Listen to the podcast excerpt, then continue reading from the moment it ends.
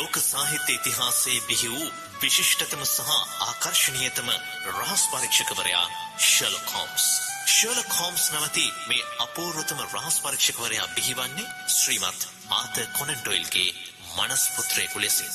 ශ්‍රීමත් Arthur කොනන් Doyle විසින් රචනා කරන ලද The Adventure of Sherlock Holmes නම් Sherlock Holmes කෙටිකතා සංග්‍රහය මුල්වරට ප්‍රකාශයට පත් වනේ එක්දහස් අටසය අනු එක වර්ෂයේදී. The Boscombe Valley Mystery එහි ඇතුළත් වූ එක් Sherlock Holmes රහස් පරීක්ෂක කතාවක්. බොස්කෝම් මිටියාවතේ සිදු ඝාතනයක් මීට පාදක වුණා. ඉඩම් හිමිකරුවෙක් වූ චාල්ස් මැකාතිගේ ඝාතනය සම්බන්ධයෙන් සැකකරු බවට පත්වන්නේ ඔහුගේම පුත්‍රයා වන ජේම්ස් මැකාති. ද බොස්කෝම් වැලි මිස්ට්‍රි හෙවත් බොස්කෝම් මිටියාවතේ අභිරහස. හෝම්ස් සිදුවිය කළ ඉදිරියට මඟ බලාගෙන ඉන්නවා. මව දැක්කා. ආ එන්න එන්න වොට්සන්. ඔබ ආයක ලොකු දෙයක්. පරීක්ෂණයකති විශ්වාසවන්ත කෙනෙක් ළඟ ඉන්න එක මගේ හිතට ලොකු හයියක්. පලාත් බද අයගේ උදව්වලින් එක්කෝ පලක් නෑ නැත්තං ඒ අයගේ අදහස් එක පැත්තකට බරයි. මම කේබල් එක ලැබුණ හැටිම පිටත් වුණා. යම්. මං ටිකට් අරන් තියෙනවා. දැන් කෝච්චිය පිට වෙන්න ළඟයි. මම නම් ඔය බොස්කෝ මිටියාවතේ අභිරහස ගැන මොකවත්ම දන්නේ නැහැ. මේ ටිකේ හරියට ලෙඩ්ඩු. පත්තරයක් අල්ලන්නවත් ලැබුණේ නැහැ. ලන්ඩන් පත්තරවල ඒ තරම් විස්තර තිබුණේ නැහැ. මම හැම පත්තරයක්ම බැලුවා. මට පේන්නේ මේක බොහොම පැහැදිලි ඒ බොහොම අමාරු පරීක්ෂණයක්. ඒක ටිකක් විරුද්ධාභාසයක් වගේ. ඒ ඒක තමයි ඇත්ත. ආ, මේ මේ අයිනේ ආසන දෙක හොඳයි. නේද? ඔව් ඔව් වාඩි වෙන්න. හ්ම්. වොට්සන්. කිසියම් අපරාධයක අසාමාන්‍ය බවක් තියෙනවා නම් ඒකම හොඳ හෝඩුවාවක්. සාමාන්‍ය එකක් විදිහට පේන අපරාධය තමයි විසඳන්න අමාරු. කොහොම හරි මේ අවස්ථාවේ මැරුම්කෑ අයගේ පුතාට විරුද්ධව බොහෝම බැරෑරුම් තත්ත්වයක් ඇති වෙලා තියෙනවා. එතකොට මේක මිනි මැරුමක්. එහෙමයි අනුමාන කරන්නේ. මේ ගැන මම පෞද්ගලිකවම පරීක්ෂා කරලා බලනකන් මං කිසිම නිගමනයකට එන්නේ නැහැ. මම වොට්සන්ට පැහැදිලි කරන්නම්. මම තේරුම් ගත්ත කරුණු ටික. හොඳයි හෝම්ස්. බොස්කෝම් මෙටියාවත කියන්නේ හර්ෆට් ෂයවල රොස්වලට කිට්ටු පිටිසර පලාතක්.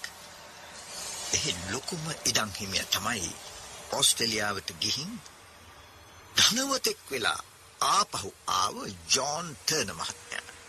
ඔහුට අයිති හැදලි ගොවිපල්ල දීලා තිබුණා තවත් ඔස්ට්‍රේලියාවේ ඉඳලා ආව චාල්ස් මැකාති කියලා මහත්මයෙකුට. දෙන්න ඕස්ට්‍රේලියාවේදී එකට ඉන්න ඇති. ඒ නිසා මෙහිදිත් එක ළඟ පදිංචි වෙන්න අදහස් කරන්න ඇති. ඔව්. ටර්න තමයි දෙන්නගෙන් වැඩි පොහොසතා. මැකාති කුලියට වගේ හිටියට දෙන්න සමාන තත්ත්වය ආය විදියටයි ආශ්‍රය කරලා තියෙන්නේ. මැකාතිට අවුරුදු දහ අතක පුතෙක් ඉන්නවා. ටර්නටත් ඒ වයසම දුවෙක් ඉන්නවා. දෙන්නගෙම භාර්යාවන් ජීවතුන් අතර නෑ. දෙන්නම සමාජෙන් ඈත් වෙලා තනියම වගේ තමයි ජීවත් වෙලා තියෙන්නේ. මැකාතිට සේවකයෙකුයි සේවිකාවකයි හිටිය. ටර්නට තව දුසින් භාගයක් විතර සේවක පිරිසක්. ඔන්න ඔච්චරයි මට දැනගණ්ඩ ලැබුණු කාරණා පවුල් දෙක ගැන. දැන් මොනවද ඔබ දන්න සිද්ධියට අදාළ කරුණු? මේකෙන් දවසේ හවස තුනට විතර මැකාති තමන්ගේ හැදලි නිවසෙන් පිටත් වෙලා. බොස්කෝම් විල දිහාවට ඇවිදගෙන ගිහින් තියෙනවා. ඒක විශාල විලක්ද? නෑ. බොස්කෝම් මිටියාවතේ ගලාගෙන යන පුංචි ඔය පුළුල් වෙලා හැදෙන ලොකු පොකුණක්. මැකාති උදේ සේවකයත් එක්ක ඇවිදින්ට ගිය වෙලාවේ සේවකයට කියලා තියෙනවා එදා හවස තුනට තමන්ට වැදගත් නියම කරගත් කාර්යයක් තියෙනවා. අන්න ඒ කාර්යයට ගිය මොහොතේ තමයි මරණය සිද්ධ වෙලා තියෙන්නේ. ඔය හැදලි ගොවිපලේ ඉඳලා බොස්කෝම් මිලට කොච්චර දුරද? හැතැම්ම කාලයි. ඔහු මේ ප්‍රදේශය පහු කරගෙන යනවා දෙන්නෙක් දැකලා තියෙනවා. එක්කෙනෙක් වයස්ගත කාන්තාව. නම සඳහන් වෙලා නැහැ. අනික් තැනැත්තා ටර්න යටතේ සේවය කරන විලියම් ක්‍රවුඩ් කියලා කැලෑව මුර කරන කෙනෙක්. මොනවද ඔවුන්ගේ සාක්ෂි වලින් කියවෙන්නේ? දෙන්නම කියන්නේ මැකාති ඇවිදගෙන ආවේ තනියම කියලා. මුරකාරයා තවත් දෙයක් කියලා තියෙනවා.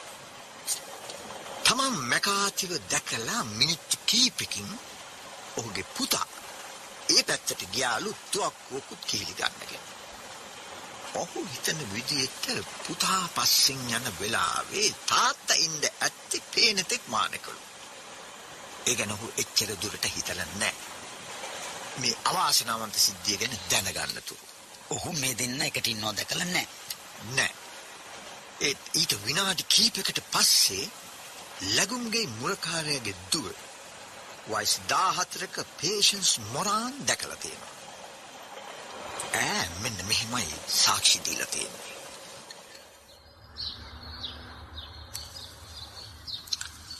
තමාගේ නම පේෂන් මොරාන් වයස දා හතරයි.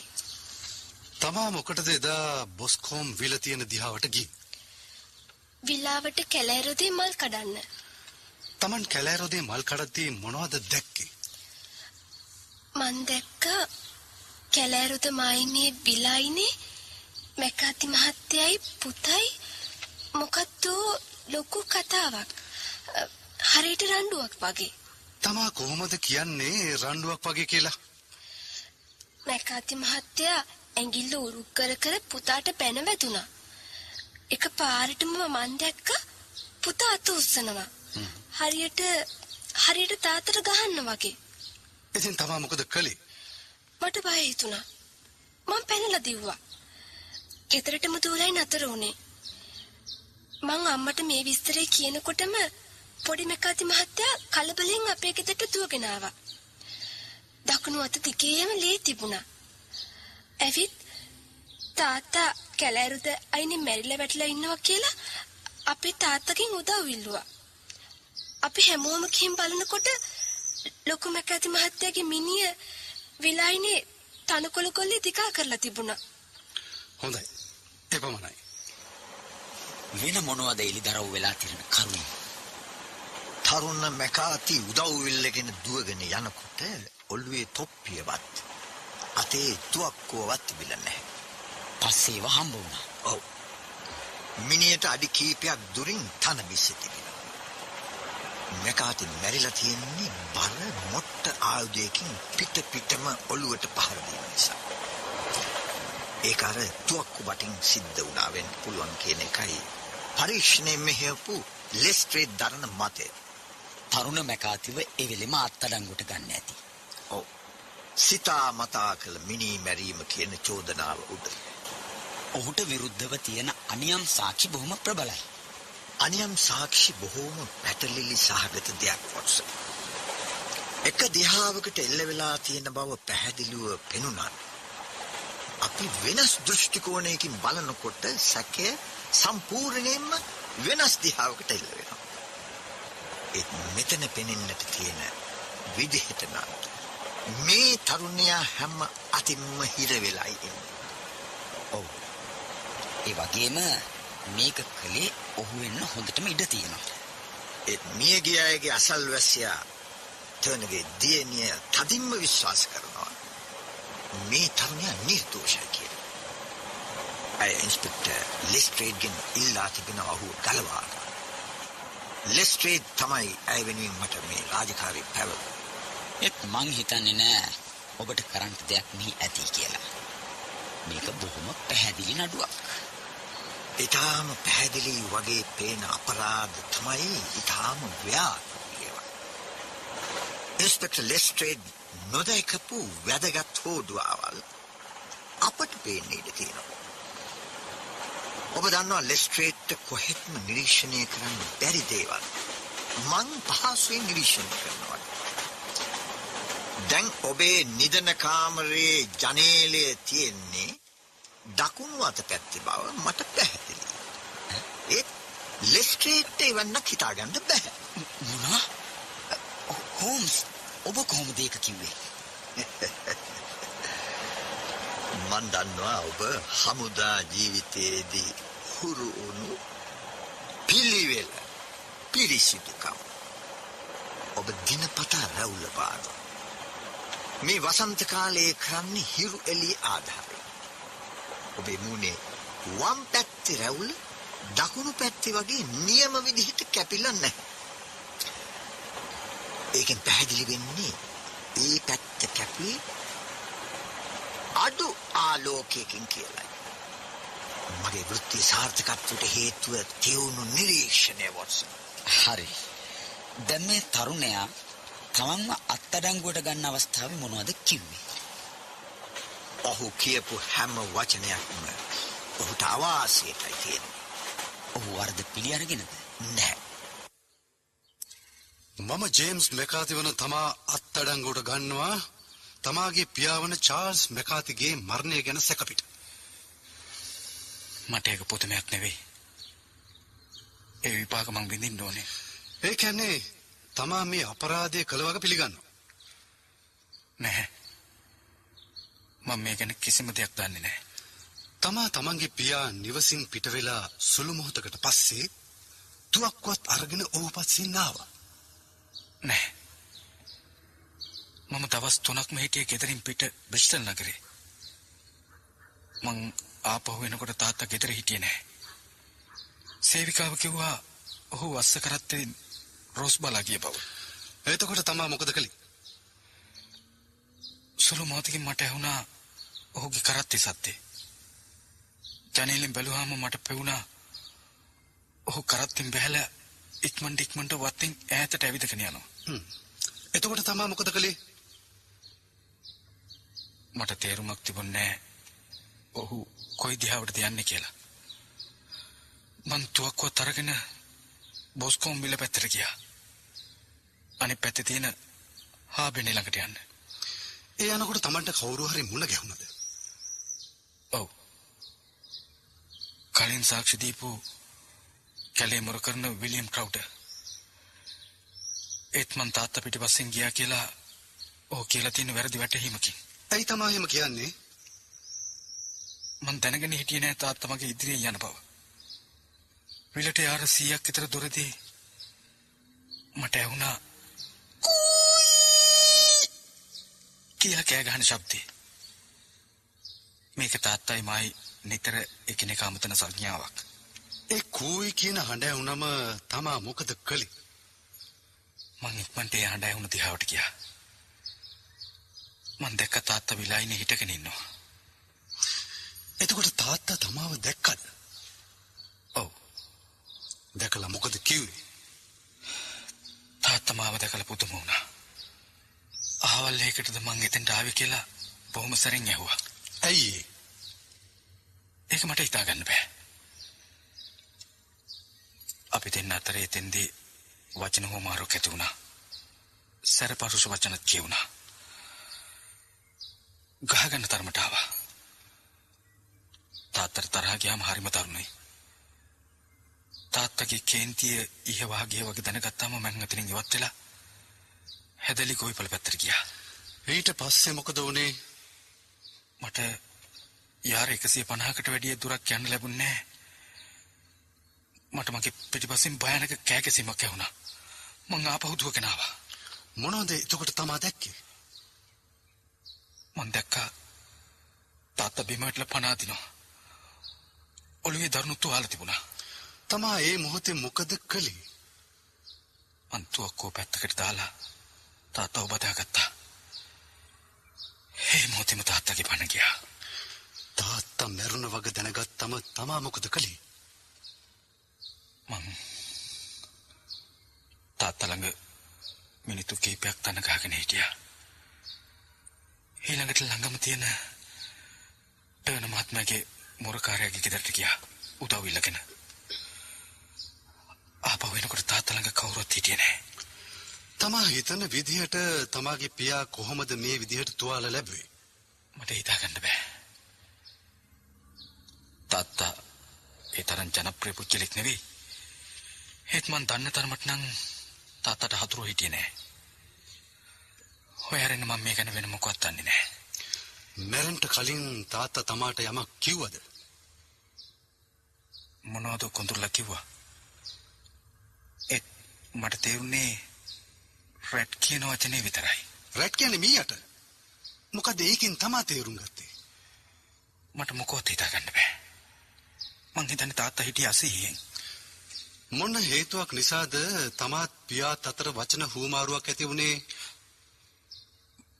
මං කැමති නෑ ඒකට උත්තර දෙන්න. මට බල කරන්න වෙනවා. මට ඒක කියන්න කොහෙත්ම පුළුවන්කමක් නෑ. ඒත් මට ස්ථිරවම කියන්න පුළුවන් ඒක මේ ඛේද වාචකයට කිසිම විදියකින් සම්බන්ධ නැති වගේ. ඒක තීරණය කරන්නේ අධිකරණය. මම ඔබට අමුතුවෙන් පැහැදිලි කරලා දෙන්න ඕනේ නැහැ. මේ පිළිතුරු දීම ප්‍රතික්ෂේප කිරීම නිසා Tamanට විරුද්ධව තිබෙන සැකය වැඩි වෙනවා. ඒත් මට ඒකට උත්තර දෙන්න විදියක් නෑ. මට තේරුම් ගිය විදිහට කූවි කියන එක ඔබත් ඔබේ පියාත් අතර නිතර හුවමාරු වුණු සංඥාවක්. ඔව්. කොහොමද එහෙනම් ඔබ දකින්නත් කලින් ඔහු ඒ ශබ්දය පිට කළේ? ඔහු දැනගෙන හිටියේ නෑ ඔබ බ්‍රිස්ටල් ඉඳලා ආපහු ආවද? මන් දන්නේ නෑ.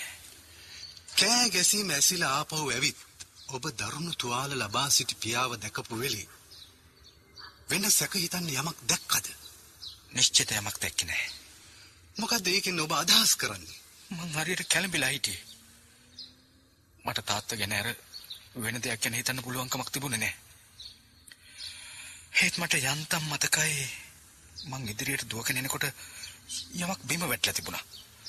මගේ වම් පැත්තට වෙන්න. ඒ මොකක් කියලාද ඔබ හිතන්නේ? ඒක තුඹුරු පාටයි. කබායක් නැත්තම් රෙද්දක් වෙන්න පුළුවන්. මං තාත්තා ළඟින් නැගිටලා වටපිට බලනකොට ඒක තිබුණේ නෑ. තමා කියන්නේ තමා උදව් ඉල්ලගෙන යන්න කලින් ඒක අතුරුදහන් වුණා කියලාද?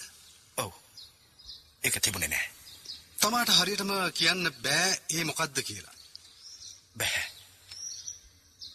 ඔය මල සිරුරට කොච්චර දුරින්ද? යාර 12ක් විතර කැලෑවේ මායිමේ ඉඳලා කොච්චර දුරද එතනට? ඒ දුරම ඇති. ඒ කියන්නේ යමෙක් ඒක ඉවතට ගත්තා නම් ඒ ගත්තේ ඔබ යාර 12ක් දුරින් ඉඳෙද්දි. ඔව්. ඒත් මං හිටියේ ඒ පැත්තට පිටිපස්සාරවලා.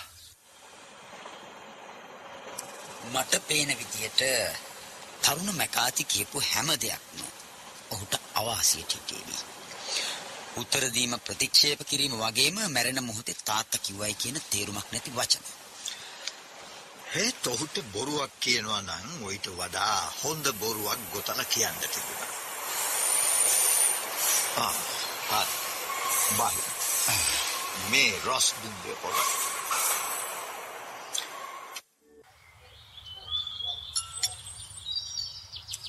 අපූරු තේටික ලෙස්ට්‍රේඩ්. ඒ වගේම ලස්සන පළාත්. මං අශ්වකරත්තයක් සූදානම් කරලා ඉතින්නේ. මන් දන්නවා ඔබ අපරාධය සිද්ධ වුණ තැනට යන්න ඕනයි කියන වග. ඒ ගැන තීරණය කරන්නේ කාලගුණේ දිහා බලලා. වැස්සෙන් හුළඟෙන් බාධාවක් නැත්තම් මං කැමති ඒ අවශ්‍ය තැනට පයින් යන්න. මං හිතන්නේ ඔබ නිගමනයකට ඇවිත් ඇති. දැනට එළිදරව් වෙලා තියෙන කරුණු අනුව මේ කාරණාව නම් පොඩි ළමයෙකුට උනත් පැහැදිලි. ඒ කාන්තාවකගේ ඉල්ලීම ප්‍රතික්ෂේප කරන්න බෑ. මොකක්ද ඇගේ ඉල්ලීම? ඈ ඔබ ගැන අහලා තියෙනවා. ඇයට ඕනෙලු මේ ගැන ඔබේ මතය දැනගන්න. මම ඇයට කොතෙකුත් කිව්වා ඔබට කරන්න දෙයක් මෙතන ඉතිරි වෙලා නැහැ. මම හැම දෙයක්ම කරලායි තියෙන්නේ කියලා. ඒත් ඈ ඒක පිළිගන්න සූදානම් නැහැ. කියනකොටමත් මෙන්න ඈ එනවා. හරිම රෝමත් කාන්තාවක්. ඇට තිබෙන්නේ කතින් ඇස් දෙකක්. මිස්ටර් හෝම්ස් ඔබ ආයක කොච්චර සතුටක්ද මම ආවේ ගැන ඔබට කියලා යන්න මම දන්නවා ජේම්ස් ඔය අපරාධය නොකළ බව අන්න ඒක තේරුම් අරගෙන ඔබේ පරීක්ෂණ පටන් ගන්න ඒ ගැන කිසිම සැකයක් ඇති කරගන්න එපා අපි දෙන්නට දෙන්න අඳුරන්නේ පුංචි කාලේ ඉඳලා මම දන්නවා ඔහුගේ අඩුපාඩු අනික් කාටත් වඩා හොඳින් ඒත් ඔහුට බෑ මැස්සෙකුටවත් හානියක් කරන්න. ඔහු හරිහැටි අඳුරන කෙනෙක් තමයි දන්නේ මේ චෝදනාව අයුක්ති සහගත වග. මගේ අපේක්ෂාව ඔහුව නිදහස් කරගැන්ම තමයි මිස්ටර්න. ඒ ගැන මට පුළුවන් හැම දෙයක්ම මං කරන්න. ඒත් ඔබ දන්නව සාක්ෂිවලදී කියවුණු දේවල්. ඔබ නිගමනයකට එළඹුණාද? ඔබට පෙනෙන්නේ නැත්ද මේ කිසියම් අඩුපාඩුවක්? දුර්වල තැනක්? ඔබට පේන්නේ නැද්ද ඔහු නිර්දෝෂි වගේ? මං හිතනවා එහෙම. ආන්න ඇහුණද ඉන්ස්පෙක්ටර්? ඔහු මා තුල බලාපොරොත්තු ඇති කරනවා. මං හිතන්නේ මගේ සගයා ඕනට වඩා ඉක්මනින් නිගමනවලට එළඹෙනවා. නමුත් ඔහු නිවැරදි. මන් දන්නවා ඒක. ජේම්ස් කවදාවත් මේ අපරාධය කළේ නෑ. අනික මේ තාත්තා එක්ක වුණු දබරේ ගැන කරුණු හෙළි නොකරන්නේ මම ඒකට සම්බන්ධ නිසා. මොන විදියෙන්ද? මේ අවස්ථාවේ කිසිම දෙයක් වසන් කරන්න බෑ. ජේම්ස්ුයි ඔහුගේ තාත්තයි මං ගැන එකඟ නොවුණු හුඟක් දේවල් තිබුණා. මිස්ටර් මැකාති බොහොම කැමැත්තෙන් හිටියා අපි දෙන්න අතර විවාහයක් වෙනවා දකින්න. එතකොට ඔබ දෙපොළ අපි දෙන්න පුංචි කාලේ ඉඳලා සහෝදරියෝ වගේ ආශ්‍රය කළා. ඒත් ජේම්ස් තවම බොහොම ලාබාලයි. ජීවිතේ අත්දැකීම් අඩුයි. ඒ නිසා තවම එහෙම දෙයකට සූදානම් නැතුව ඇති. ඉතින් සම්ඩු සරුවල් ඇති වුණා. මේ එයින් එකක් වගේ මට හොඳටම විශ්වාසයි. තමන්ගේ තාත්තා මේ විවාහයට කැමැත්තෙන්ද හිටියේ? නෑ. ඔහුත් මේකට විරුද්ධයි. මිස්ටර් මැකාති විතරයි මේකට කැමැත්තෙන් හිටියේ. හෝම්ස් ඈදිහා බැලුවම ඇගේ මුණ ලැජ්ජාවෙන් රතු වුණා. මේ තොරතුරු වලට ස්තුතියි. හෙට ආවොත් මට ඔබේ තාත්තව මුණ ගැහෙන්න පුළුවන් වෙයිද? මං හිතන්නේ නෑ ડોක්ටර් ඒකට ඉඩ දෙයි කියලා. ડોක්ටර් එයි ආරංචි නැද්ද? තාත්තා අවුරුදු ගාණක් හිටියේ ලෙඩ ගානේ. ඒත් මේ සිද්ධියෙන් පස්සේ තාත්තා හොඳටම අසනීප වුණා. දැන් ඉන්නේ ඇඳටම වෙලා. ડોක්ටර් විලෝස් කියනවා තාත්තගේ ස්නායු හොඳටම දුර්වල වෙලා කියලා. මිස්ටර් මැකාති විතරයි තාත්තා වික්ටෝරියාවල ඉන්නකොට දැන ඇඳගෙන ගත්ත කෙනෙකුට හිටියේ. වික්ටෝරියාවල? ඒක වැදගත් ආරංචියක්. ඔව්, ඒ පතල්වල. හරි. රත්තරන් ආකරවල. මං හිතන්නේ එහෙදි තමයි මිස්ටර් ටර්නර් පෝස්ට් උනේ. ඔව්, එහෙදි. බොහොම ස්තුතියි මිස් ටර්නර්. ඔබ දුන්න තොරතුරු මට හුඟක් වැදගත්. හෙට යමක් හොයාගත්තොත් මට කියන්න. ඔබ ජේම්ස් බලන්න හිරගෙදරට යයි ස්ථිරවම. ඒ ගියොත් කියන්න. ඔහු නිර්දෝෂී වග මම දන්න බව. මම කියන්නම් මිස් ටර්නර්. මන් දැන් යන්න ඕනේ. තාත්තගේ අසනීපේ බරපතලයි. මල් ළඟ නැත්තම් ඔහුට ලොකු පාළුවක් දැනෙනවා. ඔබේ පරීක්ෂණ වලට දෙවියන්ගේ උදව් උපකාර ලැබෙන්න ඕනේ.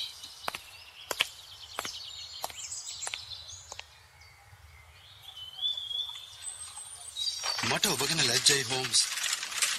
ඇයි මේ කාන්තාව තුල බලාපොරොත්තු ඇති කරන්නේ නොකිරන දේවල් ගැන? මම ඒ තරම් මුදුමුලක් හදවතක් තියෙන කෙනෙක් නෙවෙයි. ඒත් මට පේන විදිහට මේක කෲර වැඩක්. මං හිතන්නේ මට පෙනීගෙන එනවා ජේම්ස් මැකාතිව බේරගන්න පුළුවන් ක්‍රමය. ඔබ නියෝගයක් ලබාගෙන තියෙනවාද ඔහුව හිරගෙදරදී මුණ ගැහෙන්න? ඔව්. ඒත් ඔබටයි මටයි විතරයි. එහෙනම් බොස්කෝම් විලාවට පරීක්ෂා කිරීම කල් දමන්න පුළුවන්. අපිට තාම වෙලා තියෙනවා හිරගෙදරට ගිහින් ඔහු එක්ක කතා කරන්න. ඕන තරම්. එහෙමනම් වොට්සන් මට පැය කීපයකට ඔබ තනි කරලා යන්න සිද්ධ වෙනවා. ගිහින් එන්න හෝම්ස්. මං ඒ අතරතුර මේ අවට සිරි නරඹන්නම්.